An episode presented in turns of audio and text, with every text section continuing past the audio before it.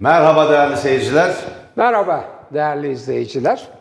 Bugün e, benim çalışmam, Merdan Bey'in daha çok çalışması. Çünkü o bir de şey yaptı, e, sürekli dört soru, dört yanıt diye burada program yaptı. Bir de bütün hem buranın sorumluluğu hem işletmesi hem sahipliği hem e, cezalarla bo- boğuşması vesaire felaket bir e, şeyle, e, tempoyla bir yandan da burada programı da e, 18 dakikanın yerini e, yerine yapılan e, programı da götürdü. Hem de tek başına götürdü. Bir anlamda hani bazen birimiz gelemiyoruz Yok da- arkadaşlarım da yardımcı oldular. Evet, ana, evet. ana haberi sunan Tabii arkadaşlarımız. tabii onlar da öyle şey Evren yaptılar Hanım. ama çok sonra da bir Begüm, burada eee, zaman zaman şey. Evet. eee, Fakat çok beni güldüren-. Doğru ama beni çok güldüren bir şey var. Ee, burada çalışan arkadaşlar e, işte e, tatile çıktı filan diyorlar. Tatil matil üç günlüğüne gitti. Bir hafta bir ara işte o İzmir'deki fuar dolayısıyla orada da üç gün sonra ya çok gitti artık gelsin filan demeye başladılar. Yani bu şey acımasızdır. Buradayız, buradaydık zaten yani üç günden sonra. Ay biliyorum İçeride işte, mutfakta çalışıyorduk biz. Biliyorum. Hayır üç gün. Üç gün o tatil matil denen şey zaten üç gün. Şimdi Üç gün e, işte hafta sonuyla beş güne tamamladık. Ee işte bak ona ona ona ona seviniyor. Ben de işte o iki kitabın bir tanesini bitirdim, teslim ettim ama o daha biraz işi var onun editörde. Öbür kitapla da uğraşıyoruz filan. Şimdi bugün onun ikinci programını yapıyoruz. Ee, benim gündemimde çok e, tabii e, maalesef hala gündemi politikacılar belirliyor ve iktidar belirliyor tabii iktidarın yanlış söylemleri, yanlış politikaları belirliyor. İki önemli yanlışa işaret edip hemen daha böyle biraz e, soru yanıt gibi hızlı aramızda paslaşarak yapalım diyoruz. E, siz de öyle istiyorsunuz. Oradan izleyicilerden gelen şey izlenim de öyle. E, daha e, monolog gibi ve nutuk atar gibi değil de daha e, soru, yanıt, itiraz, evet vesaire. Yani siz böyle hani birbirinizin lafını kesiyoruz, e, kesmeyin filan demeyin. Birbirimizin lafını kesmiyoruz biz saygıyla. Evet onu bir söylemek lazım. Bizim birbirimize saygıda kusur etmemiz mümkün değil. Hiç söz konusu değil. Yani o yüzden hani bizim yerimize kimse alınmasın. Evet. Yani işte e, tam o konuşurken bir şey söylerken lafa girdin, Bu işin bir şey canlı yayının sordun. doğasında var. Tabii, böyle bir tabii, Şey. onu- Bu- bunun bilinmesi lazım. Ay onu yapacağız. Ayrıca da o, yani her konuda da birebir aynı düşünmek zorunda değiliz. O zaman buraya iki tane Emre Kongar veya iki tane Merdan koy- koyardınız yanarda. Veya tek başımıza birbirimiz yapardık. Onu da düşünmedik değil ama o formatı beğenmedik. Yani o dört soru dört yanıt gibi bir, bir gün o bir gün ben de yapabiliriz yani yarımşar saat. Tahammül edebiliyorsanız bana ona tahammül edersiniz. O yakışıklı ve genç de bana tahammül edemezsiniz diye düşünüyorum. Neyse Evet, işin bunlar şaka tarafı. hocam. Onun için yani e, kısa kısa şey edeceğiz. Benim gündemimde iki ana madde var. Bunlardan bir tanesi bu geçim sıkıntısı hikayesi. Biliyorsunuz patates, domates ve patlıcan terörü vardı bir zamanlar. Siz o da hatırlayacaksınız. Biz burada 40 defa konuştuk. Resmen terörist ilan edildi. Yani kimler? Efendim kabzımallar. Ee, üreticiye pek bir şey söylemediler de işte o üreticiden o malı alıp perakendeciye getirenler ve bir de işte manavlar, bakkallar yani şeyde e, raflarında bunları satanlar e, şeylere e, stoklara e, patates, soğan stoklarına baskınlar yapıldı. Resmen ve e, tweet atanları terörizmden sorguladılar. Hatta o arada bir de döviz de oynadı filan. Ha. Şimdi bu döviz oynaması, patates, soğan terörü vesaire. Ha bu arada e, tebrik ederim gene çocuklar çok iyi çalışmışlar. E, baş terörist salatalık. Affedersiniz hıyar. Yani salatalık baş terörist en çok şey. Şeyin çünkü, o, o sebzenin adı hıyardır zaten. Evet, Ve şey iyi yani pazarcılar tabelasını öyle koyarlar, iyi manavlar da öyle ifade ederler. benim teyzem O tu- tuhaf bir e, bütün e, bir tür taşralı kibarlığı falan diyebiliriz. Benim teyzem, Allah rahmet Tenzih eylesin. ederim herkesi. Evet, ve benim teyzem çok kızdığı insanlara bu hıyardan da öte, bu acur, acur. Evet, Hiç tadı tuzu yok bunun diye. O yüzden orada ayıp bir şey yok. Meyve sebzenin adı odur. Hayır ben o affedersiniz lafından biliyorsunuz başka bir gönderme yapmaya çalıştım. Yani Evet, evet. eee, evet neyse. Şimdi e, baş terörist e, hıyar. e, ben e, bir itirafta bulunayım. E, Biraz kişisel şey olacak ama e, sabahları e, yani ben terör örgütüne üye olmadan Ter- yiyorsunuz. Evet.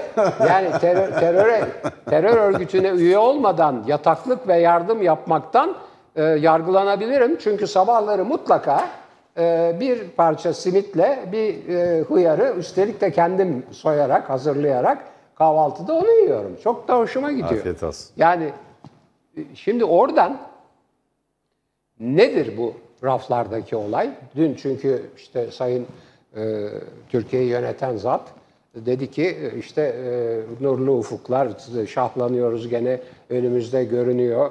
Hiç kimse bizim kadar emeğin hakkını sunamaz, e, savunamaz falan dedi. Değerli izleyiciler, 128 milyar dolar nerede sorusu ile Merkez Bankası Başkanı'nın bir sabaha karşı bir gece yarısından sonra görevden alınması ile hıyarın terörist başı veya soğan, patlıcan, domates, patates hıyarının soğan, patates, domates terörünün Diğer örgüt üyeleri bunlar Evet, da galiba. evet, öbür örgüt üyeleri arasında kesin örgütsel ilişki var. Çünkü Merkez Bankası'nı bir görevden alıyorsunuz, dolar müthiş sıçrıyor. Doların sıçraması, değerli arkadaşlar, tarihe geçecek bir konuşma var. Maliyeden ve hazineden sorumlu olan bakan karşısındaki bir zamanlar Türkiye'nin amiral gemisi olan gazeteyi yöneten zata diyor ki sen dolar yani doların yükselmesini dur anlamsızlaştırmak için önemli değil diyor doların yükselmesi. Hani ben hep 50 liralık benzin alıyorum hikayesi. Siz diyor maaşınızı dolarla mı alıyorsunuz diyor. Yani önemli değil. Soru yanlış bir defa. Onun cevabı dolar sıçramış. Cevabı onun karşısındakinin keşke dolarla alsam olmalı. O diyor ki hayır ben dolarla almıyorum diyor. E o zaman size ne diyor? Soru yanlış, cevap yanlış. Bu diyalogu yani oraları kesip onu hakikaten tarihe mal etmek lazım. Yani öyle bir şey ki e, bu işlerin birinci derecede sorumlusu olan kişi doların yükselmesiyle hayat standardı boş tencere hikayesini filan şey edemiyor. O raflardaki enflasyonun sebebi arkasında yatan olay doların yükselmesi, inmesi, her birinden 125 128 milyar dolar üzerinden 1 lira oynadı mı? 1 lira oynadı mı bir iniş çıkışta 128 milyar Türk lirası birilerinin cebine giriyor. Ve birilerinin cebinden çıkıyor. Kimin o? Sizin benim. Çünkü milli gelir aynı. Bir tane ortada şey var. E, tepsi, bir işte pasta bir şey. Birisi daha fazla almaya başladığı andan ona sonra geleceğim. Ya birinci benim gündemim o. ikinci gündemi de hemen söyleyip geçeyim. Dış politikada hem e, ideolojik ve ihvancı tavır hem kişisel e, şey tavrı, e, kişisel odaklanma tavrı Esad'a karşı filan hem de emperyalizmle e, kol kola girme meselesi. Amerika ne derse onu yapma. Yani işte ver e, papazı al rahibi filan hikayeleriyle papaz filan kimse gelmedi ama rahibi verdik. Libya'da NATO'nun ne işi var deyip ondan sonra en yüksek deniz gücüyle katılmak falan hepsi işte e, Amerika ne derse oluyor. Şimdi biliyorsunuz İdlib'de şehitler gelmeye başladı. Çünkü Rusya ve Suriye e, gene çocuklar kutlamak lazım. Çok güzel haber bülteni yapıyorlar. Türkleri maalesef şehit verdirip duruyor. Durum budur. Benim iki tane konum var. Şimdi bunun hocam biz burada ilk gün e, dün e, programda e, bu konuyu İdlib konusunu gündeme getirdik ve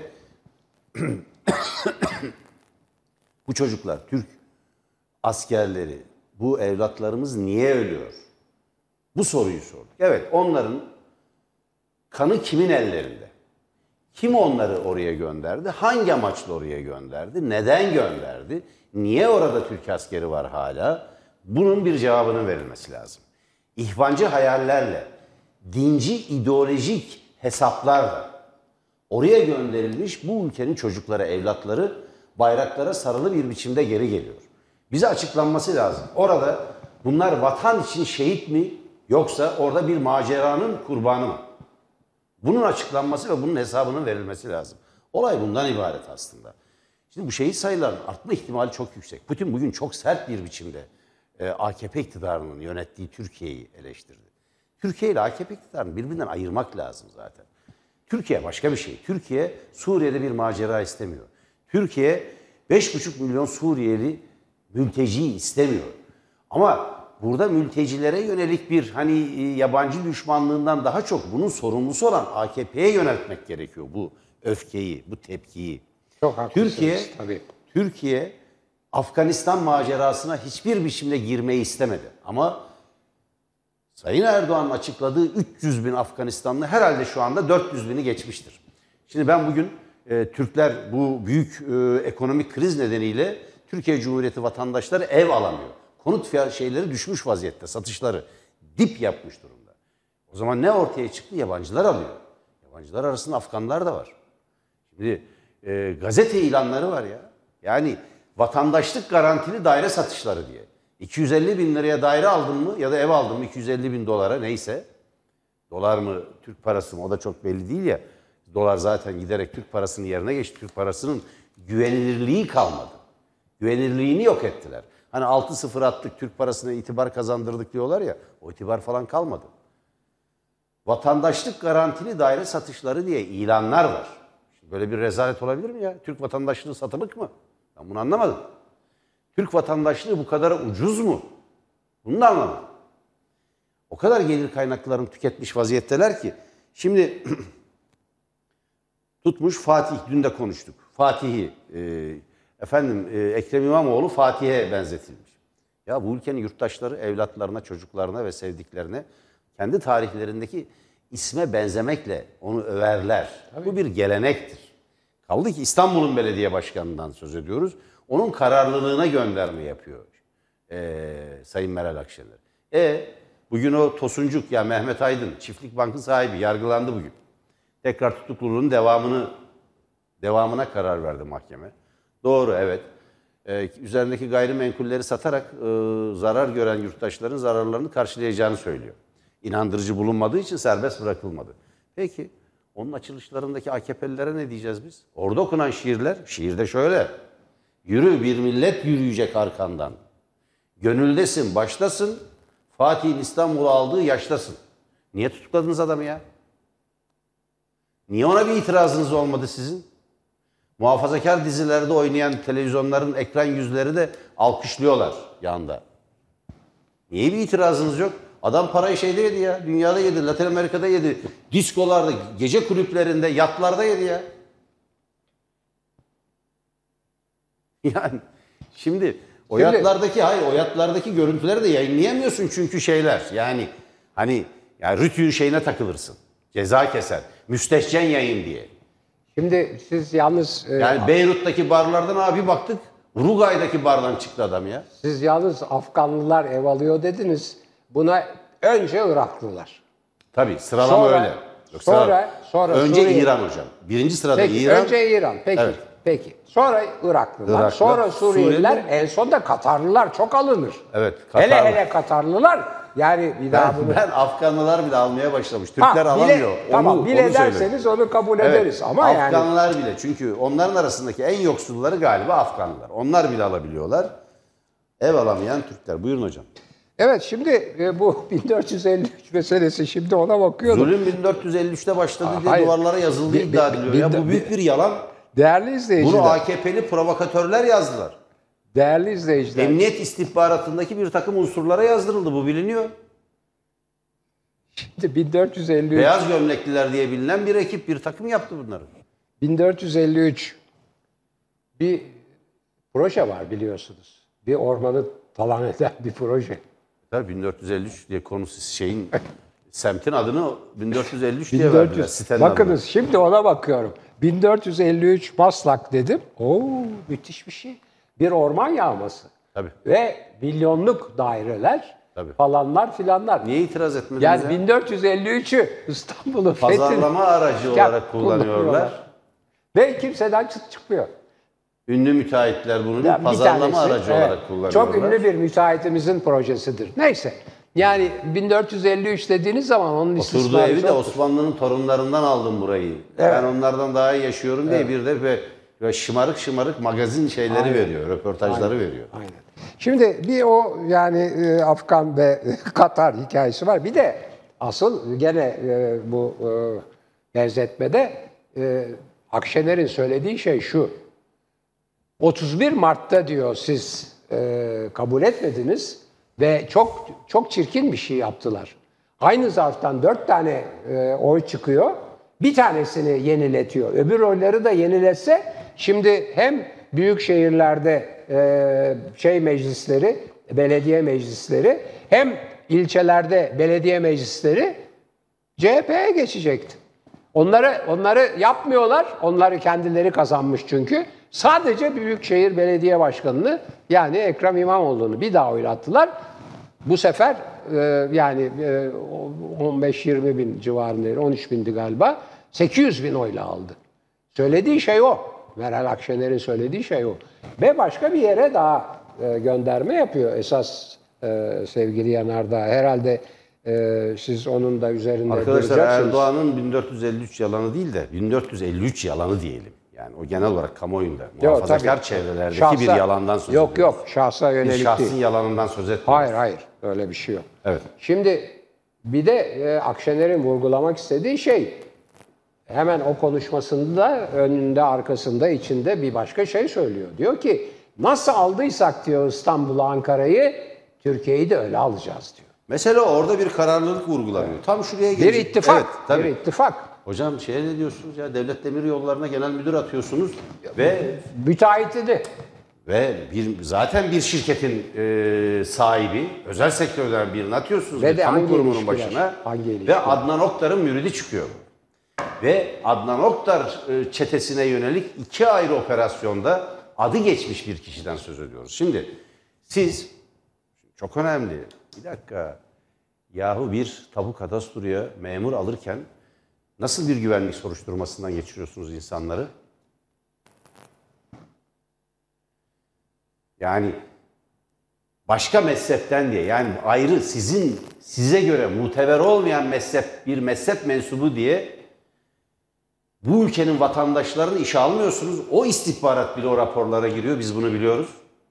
Başka inançlar, başka felsefi tercihler. Babası bir sol sendikaya üye diye hem de kamu kesimindeki bir sendikaya üye diye öğrencileri almıyorsunuz, mezunları işe almıyorsunuz. Peki bunu Devlet Demiryolları Genel Müdürlüğü'ne nasıl aldınız? Kim bu adam?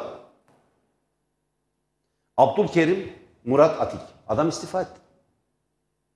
Mürit olduğu ortaya çıkıyor. Ya polis kayıtlarında var, istihbarat kayıtlarında var. İki şey olmuş hocam burada. Cumhurbaşkanlığı kararnamesiyle atanıyor genel müdürlüğe. Şimdi Devlet Demiryolları Genel Müdürlüğü de Cumhurbaşkanı'na bağlıymış. Öyle anladık yani. AKP'li Cumhurbaşkanı. Şahsın devletinin başındaki kişi. Totaliter rejimin en tepesindeki isim. Her şeye hükmeder. Bütün dünyada böyledir. Bir de anayasası yani yasal dayanağı olmayan çünkü bir hükümet var ortada. Çünkü Bakanlar Kurulu'nun anayasada bir dayanağı yok. Unutmuşlar. Ya Burhan Kuzu'nun yaptığı anayasa. Yani onun danışmanlığını yaptığı hukukçuların yapabileceği anayasa böyle bir şey olur. Apar topar sahte oylarla, mühürsüz oylarla 16 Nisan 2017'de geçirdikleri bir anayasa bu. Bu 2017 rejiminde ancak böyle olur. İstihbarat raporlarını gizlemişler belli ki. Evet. Ee, Sayın Erdoğan'dan. Ee, istihbarat raporu ya da sümen alt etmişler. Yanlış raporu vermişler. Ellerine gitmemiş. Güvenlik soruşturması yapılmış olması gerekirken ve basit bir güvenlik soruşturması taramasında internete girseniz bile ulaşabileceğiniz sonuçlar böyle ciddi bir atamada nasıl önünüze gelmez? Vallahi adam daha haysiyetli, daha onurluymuş. Adam istifa etti. Adnan Oktar soruşturmasının adı geçiyor. Bakın onun örgütün üyesi mi değil mi ona bakmak lazım. Üstelik de bunlardan bir tanesi. Bir tanesi. Genç kadınların zorla alıkonulması, taciz edilmesi, cinsel taciz, istismar, çocukların cinsel tacizi, istismarı gibi bir gerekçeyle 2008'de yapılan bir operasyonda adı geçiyor bir de. Üstelik. Şimdi tabii e, bakın. Nasıl bir devlet yapılanması şöyle, ya? Şimdi daha işin en vahim tarafı şu. Değerli izleyiciler bu zatın devlet demir yollarından ihale alıp kendi şirketini ihale alıp zenginleştirdiği kendisini biliniyor. Bu biline biline atama yapılıyor. Yani devlet İstifas- demir yollarıyla iş yapan birini getiriyorsunuz. İstifasının, Ticaret yapan birini. evet, istifasının sebebi bir tarikatla, bir tarikatın, bir şeyhin veya işte bir neyse ben isim pek fazla sevmediğim için kullanmayı bir garip bir tarikatın üstelik müridi olması. Oradan istifa ediyor. Göz göre göre. Şimdi bu hangi anlayış biliyor musunuz? Bu özel okul sahibini Milli Eğitim Bakanı yapan, özel turizm şirketi şirketleri, şirketi sahibini Turizm Bakanı yapan, efendim kendi bakanlığına, kendi şirketinden, kocasının şirketinden dezenfektan satın alan bir hanımı, bir kişiyi Bakan yapan. bakan yapan bir anlayış. Anlayış bu. Şimdi değerli izleyiciler bakın bu 128 milyar dolar Merkez Bankası Başkanı ve patlıcan, domates, patates, hıyar terörünü unutmayın. Birebir ilişki var arada, birebir. O operasyonlardan kazanılan paralar kimlerin cebine gidiyorsa, kimlerin cebine gidiyorsa, o raflardaki patatesi, domatesi, hıyarı alamayanları sömürenlerdir onlar. Onu da bilin. Bu ilişkiyi görmeden raf olayını, patates, domates terörünü anlayamazsınız. O terörün altında o Merkez Bankası operasyonları yatıyor. Yani biraz bakın okuyun, görün. Her 1 liradan bir 125 milyar lira el değiştiriyor. Üç defa değiştirseniz tamam işte. Üç kere 100, 125 deseniz 375 milyar Türk lirası oynuyor. Olay budur. Aynen. Bunu görmezseniz o raf terörünü filan anlamanız mümkün değil. Oradan e, yani o boş Hocam, pencere evet, ben bütün, hocam bütün iktidarları götürür hikayesi var. Şimdi ortada bir durum var. Ali Erbaş'la başlayan ve giderek toplumu tehlikeli bir şekilde geren bir çatışma e, iklimi ve ekseni oluşturan, iklimi ve ekseni bu önemli bir saflaştırma, bir saflaşma yaratılmaya çalışıyor. Bir e, laiklik karşıtı bir saldırı furyası var. Sürekli el yükseltiliyor. Sürekli el yükseltiliyor. Tahrik ediliyor toplum. Şimdi bugün Merzifon'da Kız İmam Hatip Lisesi, Anadolu Kız İmam Hatip Lisesi. Merzifon'da. İstiklal Marşı'nı bugün kara çarşaflı ve peçeli bir okuttu. Şimdi hani başörtüsü? Ya bu başörtüsü. Hani başörtülü insanları e, şey alınmıyor işte devlet memurluğuna alınmıyor, öğretmenlik yap- yapamıyor vesaire diyor. Yani bir, bir evet Kabil'de bir lisede bile bir lisede bile herhalde milli marş ancak böyle okutulabilir. Ancak bir milli marş böyle okutulabilir. Bakın yani kimliğini tespit etmeye çalışsanız öğretmenin kimliğini tespit edemezsiniz. Tabii hiç. Sokakta kimsenin kimliğine vesaire şeyine, kıyafetine karışan yok artık. Devlet memurları hani ya bir başörtüsü tartışması yok muydu bu Türkiye'de? Evet, başörtülü bacıma. Evet başörtülü tartışması vardı. Bizim bir sorunumuz yok. Başörtülü bacım. Yani başörtülü insanlarla. Onlar çalışma hakları da var vesaire. Yani türban ee, ki bizim böyle bir sorunumuzun olmadığını bizi yakından tanıyan herkes bilir. Yayınlarımızı izleyen herkes bilir. Ama bu görüntü, bu olay başka bir şey. Bakın öğrencilerin bir büyük bir bölümünün başı açık. Merzifon'da bir de kız İmam Hatip Lisesi. Kızlar imam ve hatip yani vaiz olabiliyorlar mı İslam'da? Hayır bir defa mümkün değil. Gün değil, günah ve yasak. Peki niye bu kız İmam Hatip Lisesi ikiyüzlülüğü nedir? Dinimizi öğrensin diye. Niye bozuyorsunuz eğitimi? İkili eğitim var artık. Öğretimin birliği yasası bozulmuştur. Yasaya aykırı, devrim kanunlarına aykırı bir durum var şu anda Türkiye'de. Hayır daha kötü bir şey var. Bakın şimdi değerli izleyiciler. Hocam şimdi kız İmam Hatip Lisesi ikiyüzlülüğünü nasıl açıklayacaklar? Hayır, ben Açıklanabilir mi böyle bir şey? Ya, tabii. Efendim bakın şunu... Bir şey daha söyleyeyim hocam. Dilini Tabii, mi öğrenmek istiyor? Kurslar açarsınız. Tabii canım. Kurslar açarsınız. Adını da koyarsınız. İslam dilini öğrenme kursları dersiniz Tamam. vesaire şimdi, dersiniz. şimdi Kurslar bu, açarsınız. bu, bu e, artık hicabın yani bir kara çarşafın e, başörtüsü de değil o. Başörtüsü, başka Başörtüsü bir şey. değil. Türban değil, türban da değil. Türbanın yerini alması yani e, kara çarşafın türbanın yerini almasının e, Merdan Bey'in söylediği olayın arkasında başka bir şey var. Biliyor musunuz o kendi okulunda en çağdaş, en işte batıya uygun filan dünyayla rekabet edebilir, yani batıyla rekabet edebilir eğitim yapmaya çalışan Milli Eğitim Bakanı da devam etti.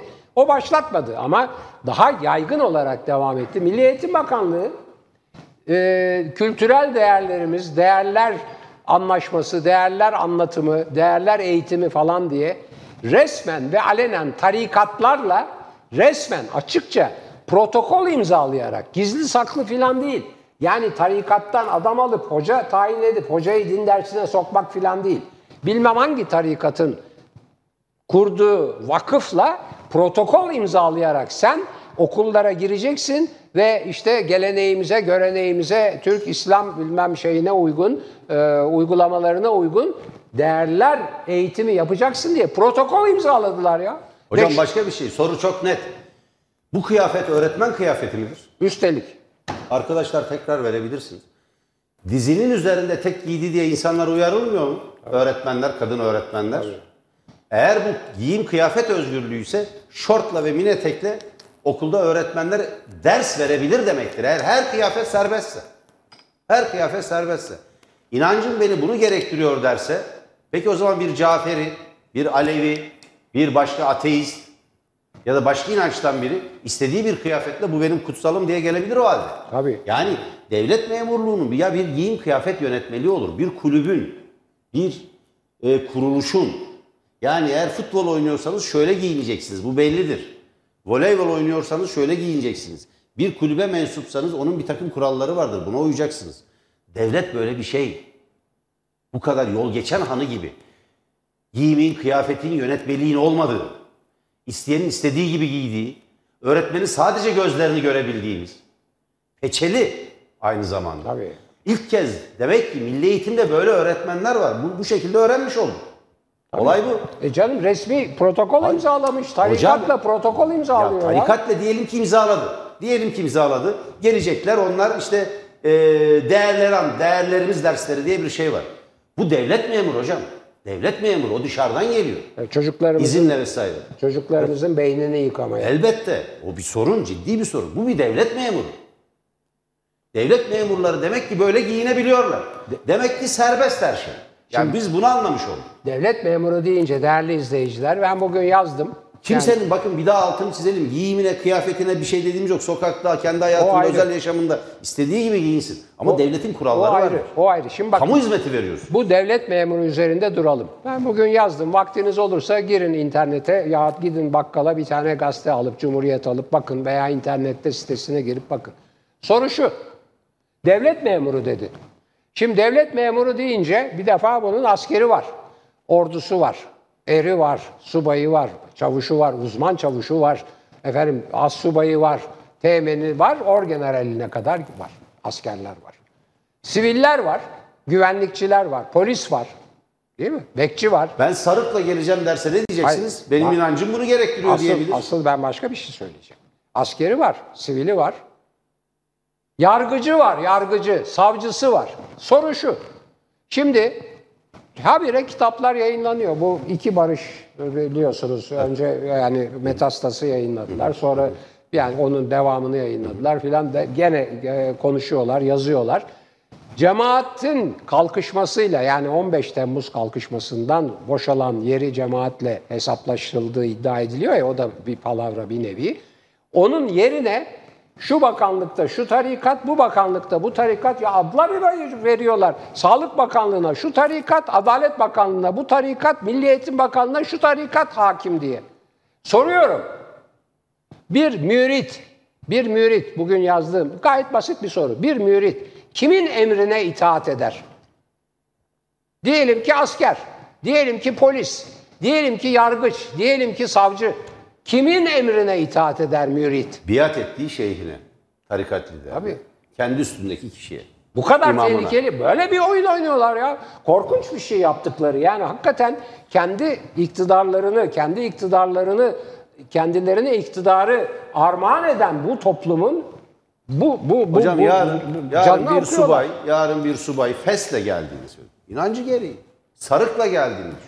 Ha yaşadık ya 15 Temmuz'da. Yeşil bir bant çekti veya kızıl bir bant çekti.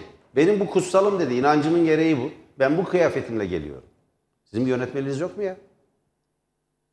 Polis mesela öyle geldi. Sarıkla geldi. Olabilir ya.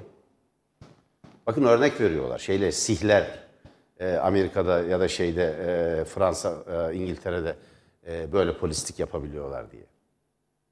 Onu da kaldırdılar. Farkında değiller. Yasakladılar onu da. Başka bir şey. Polisin bu kıyafeti vardır. Olmaz dediler. İlginç. Yani e, şeyden buraya geldik. E, güya e, giyim kıyafet özgürlüğünden ya ilkokul çocuklarının eşitliğini sağlayan, formayı bastırıcı, farklılıkları ve e, çoğulculuğu ortadan kaldıran önlük ya önlüğü bir baskı aracı gibi vesayet rejiminin pozitifist bir baskı aracı gibi sunmaya kalktılar. Halbuki o herkes eşitliyordu. Ya. O siyah önlükler var ya. Zengin, yoksul, farklı inançlardan, farklı gelir gruplarından bütün çocukları eşitleyen bir şeydi o. Ve bir simgeydi o, öğrenci simgesiydi. Bunu sağlardı ilkokulda. Bu liberallerin desteğiyle Türkiye'nin geldiği yer burası işte bu. Yetmez ama evetçi liberallerin desteğiyle. İkinci 12. Evet. İkinci 12 Eylül. Evet. Geldiği yer Şey, burası e, işte. evet, ikinci Geldi, 12 geldiği yer burası. Hocam bugün bir başka şey daha var. Ee, önemli ee, gelişmelerden bir tanesi. Şimdi ee, yine buna bununla çok bağlı. ee, bununla çok bağlı. Nagihan Alçı Afganistan'a gitmiş Ama ve tesettürlü gitmiş. Bak, ben ben bu konuda Yok, şey konuşmayı reddediyorum. siz reddedin ben Sizi, din, hocam. sizi dinlerim. Peki. Kısa bir şey söyleyeceğim. Bununla bağlantılı ve geçeceğim. Niye baş açık gitmedi? Niye gitmedi? Efendim orada kuralları var. Niye gitmediniz? Şimdi Ahmet Hakan da şeyde Hürriyet gazetesinde durmadan vaaz veriyor. Efendim gerçek İslam bu değil. Şimdi Taliban şeriat ilan etti. Şeriat bu değil. Ya Nereden biliyorsun Ahmet Hakan? Efendim din adına bir ilkelliği şeriat diye ileri sürmüşler. Onlar seni Müslüman kabul etmiyor zaten. Laik bir ülkede yaşamış olmanın kıymetini bilmediniz. Bal gibi de Müslüman onlar. Kendilerine göre bir İslamiyet anlayışları var. İslam'ı öyle yorumluyorlar. IŞİD de farklı yorumluyor. El-Kaide farklı yorumluyor. İhvan farklı yorumluyor. Bunun sonu yok. Bunun sonu yok. Tüm bunların arasında barışı ve istikrarı sağlayacak, toplumu bir arada tutacak tek ilke laikliktir. Evet. Laiklik olmadan bunun demokratik bir e, binanın inşa edilmesi, yani demokrasinin, demokratik bir rejimin inşa edilmesi mümkün değil. Efendim şey, e, şeriat adına bir ilkelliği, 12. yüzyıl ilkelliğini getirmiş. Yapma ya. Nereden biliyorsun? Öyle değil. Referans kaynaklarına bakın, yayınlarının. Benim çalıştığım da bir alan. Bakın. IŞİD'in medreselerindeki referanslara bakın. Medreselerdeki eğitimin, verdikleri eğitimin referanslarına bakın. Bizdeki imam hatiplerle ve diğerleriyle bir karşılaştırın. Ne kadar benziyor, ne kadar benzemiyor göreceksiniz. O kadar öyle gerçek İslam bu değil falan diye kestirip atamazsınız. Hiç ilgisi yok tabii. Dünyada birçok İslam yorumu var. Birçok. İslam Devlet. mezhebi var, meşrebi var, yorumu var, tarikati var, cemaati var ve bunların her biri birbirinden farklı yorumlara sahipler. Şimdi Evet, bu arkadaşlar. çok önemli çünkü değerli izleyiciler buradan Atatürk'e sığınacağım. Benim şimdi Merdan Bey'in şimdi anlattığı, benim şimdi yıllardır 40 yıldır hocalık yapıyorum. 40 yıldır anlatmaya çalıştığım şey laiklik dinsizlik değildir. Bütün dinlerin Alabilirsiniz arkadaşlar. Çok önemli bir şey değil, figür değil. Evet, bütün- sadece bir zavallılık o. Çok önemli bir şey değil. bütün dinlerin bütün dinlerin korunmasıdır. Çünkü bir defa laikliğe karşı olanlar önce sözlüklerinde laikliği dinsizlik olarak tanımlıyorlar. La dini, dinsiz diyorlar laiklik karşıtlığı için filan. Şimdi oysa laiklik bütün dinleri, bütün mezhepleri koruyor. Esas tavrı bütün dinlerin ve mezheplerin kamunun ve devletin dışında tutulması ve toplumun e, pozitif, eşitlikçi kadın, erkek, e, her din, her mezhep, her ırk, her milliyet hangi etiket kullanılıyorsa kimlik için onların hepsini eşit eşitlikçi. Şimdi hiçbir dinci, mezhepçi, siyaset eşitlikçi değildir. Sadece kendisi için ister. Şimdi Atatürk Cumhuriyeti kuracak. O sırada arkadaşları işte e, bir kendi anlatıyor, nutukta anlatıyor. Bakınız e, yani Eğer e, onun dilini o sırada anlamakta güçlük çekiyorsanız ben çevirdim de onu Türkçe'ye şey yaptım. Günü, günümüz kullanılan diline de çevirdim. Orada diyor ki bana diyor e, Mısır'dan diyor dönen işte arkadaşım Mısır'daki ulemadan e, haber getirdi. Halife ol diyorlar bana. Ve anlatıyor. Diyor ki halife her devletin yönetimi halifeye itaat etmek zorunda mıdır? Her Müslüman halifeye itaat mı eder? Eğer ben halifeliğimi ilan etsem o devletlerin başkanları bana itaat mı edecektir?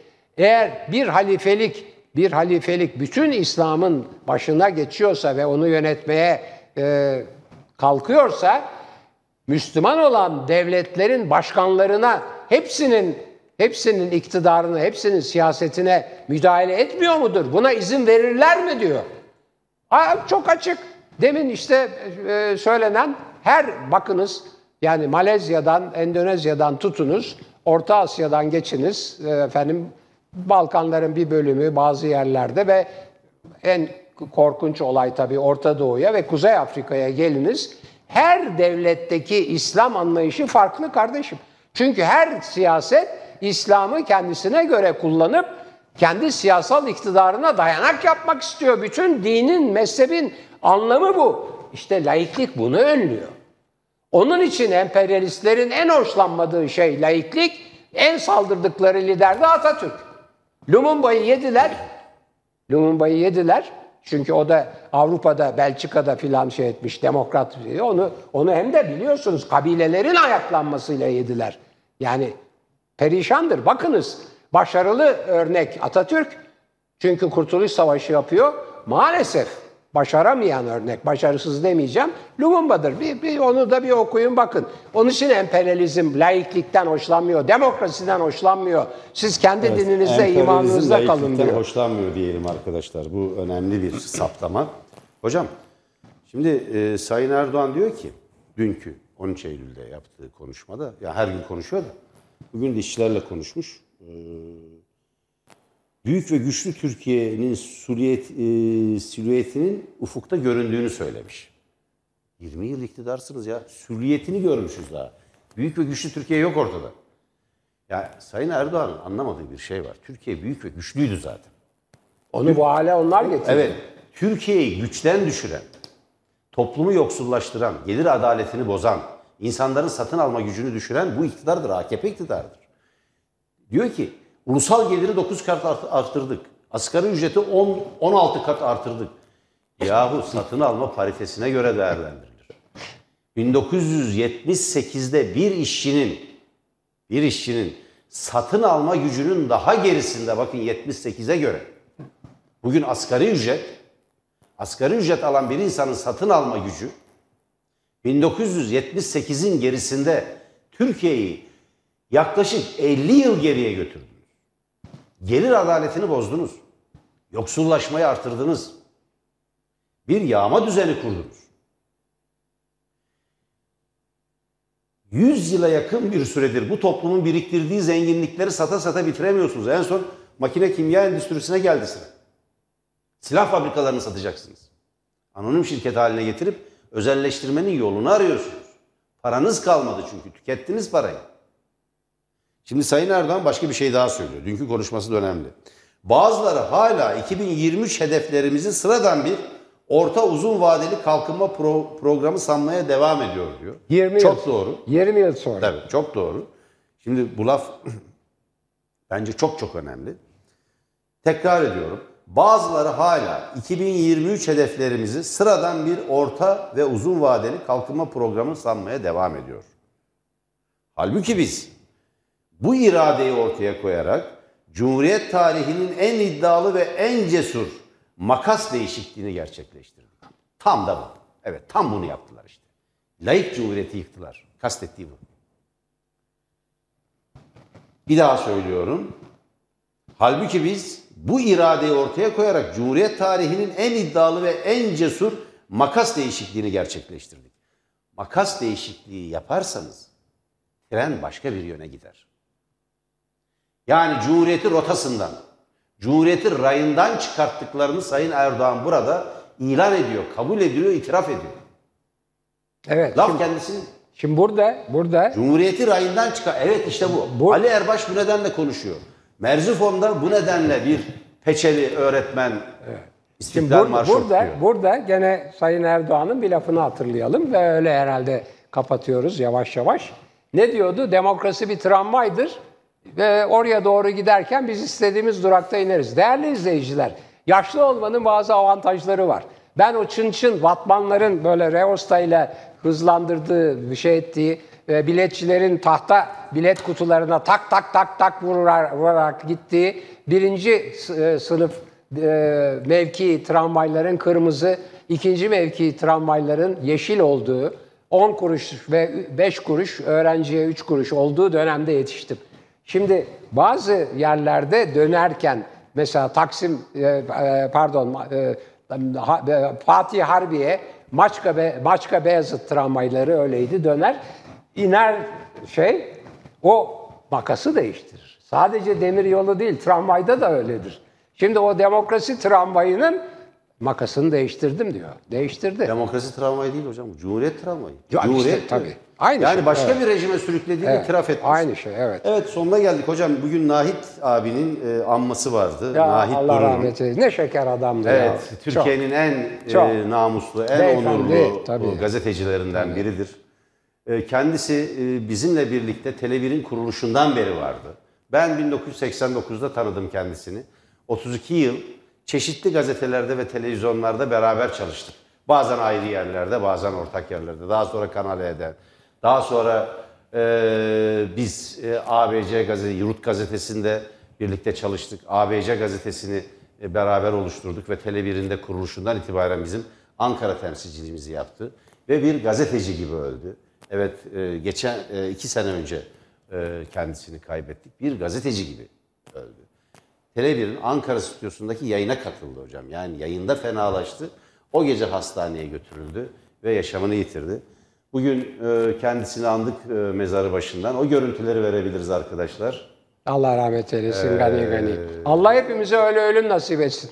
İş üzerinde Ankara Gazeteciler Cemiyeti Başkanı e, Nazmi Bilgin, bu önemli e, ailesi, e, eşi, e, Cahit Bey, e, abisi, e, bizim e, yur, e, Tele1 temsilcileri cenazesindeydi, anmasındaydı, anma törenindeydi, mezarı başında yapılan anma töreninde.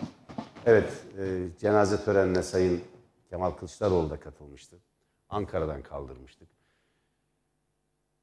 Tele1'in tarihinde önemli bir yeri var. Bir gazeteci gibi yaşadığı, bir gazeteci gibi e, bu dünyadan geçti gitti ne diyelim.